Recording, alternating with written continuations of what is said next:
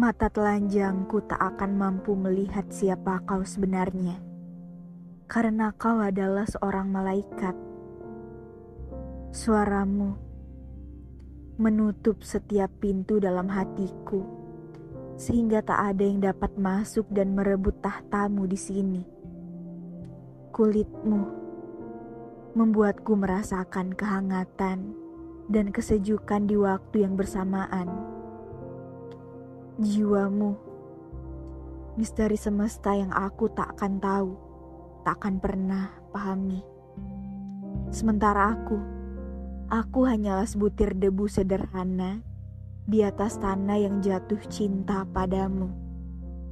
Aku, seorang aneh yang menakutkan, yang begitu ingin kau bahagia, dan setiap hal telah kulakukan, namun selalu gagal hanya satu yang belum melepaskan.